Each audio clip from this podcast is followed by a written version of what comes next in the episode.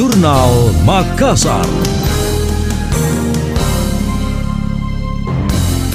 Sejumlah fasilitas mulai disiapkan menyambut Andi Sudirman Sulaiman setelah resmi dilantik sebagai Gubernur Sulsel Definitif Sulsel 10 Maret di Istana Negara. Salah satunya adalah rumah jabatan gubernur yang berlokasi di Jalan Sungai Tangka, Makassar. PLT Kepala Biro Umum Pemprov Sulsel Andi Darmawan Bintang mengatakan, rumah jabatan gubernur telah siap ditempati. Sebelumnya pihaknya melakukan pembenahan di beberapa bagian, mengingat rumah dinas tersebut lama kosong. Darmawan mengaku renovasi yang dilakukan tidak memakan waktu lama. Intinya bangunan itu sudah siap dimasuki Pak Gubernur. Masuk karena memang sudah menjadi rumah jabatan gubernur. Status beliau kan sudah gubernur. Jadi namanya juga rumah jabatan gubernur ya harus masuk. Insya Allah. Orang tak ada beberapa tempat titik yang bocor kan beberapa lama tidak ditempati itu itu yang diperbaiki. Juga namanya bangunan tua. Mobil siap.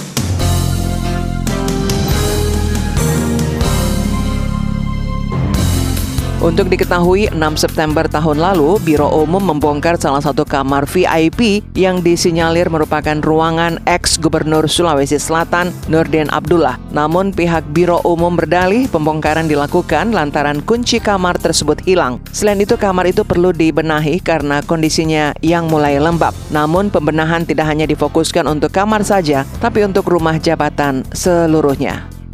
Anda masih mendengarkan Jurnal Makassar dari Radio Smart FM.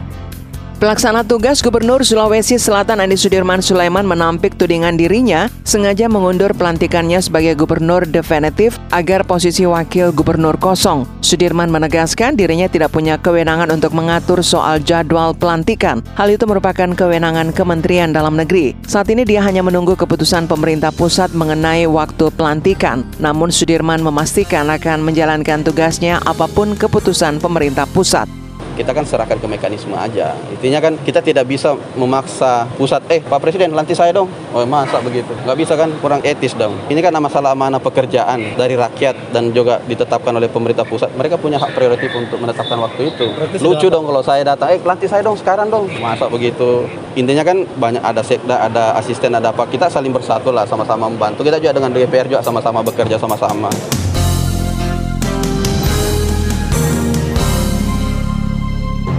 Lebih jauh, Sudirman menuturkan tidak masalah jika harus menakodai Pemprov Sulsel tanpa didampingi seorang wakil. Ia optimistis dapat menjalankan roda pemerintahan dengan baik karena didampingi pejabat-pejabat kompeten di bidang masing-masing.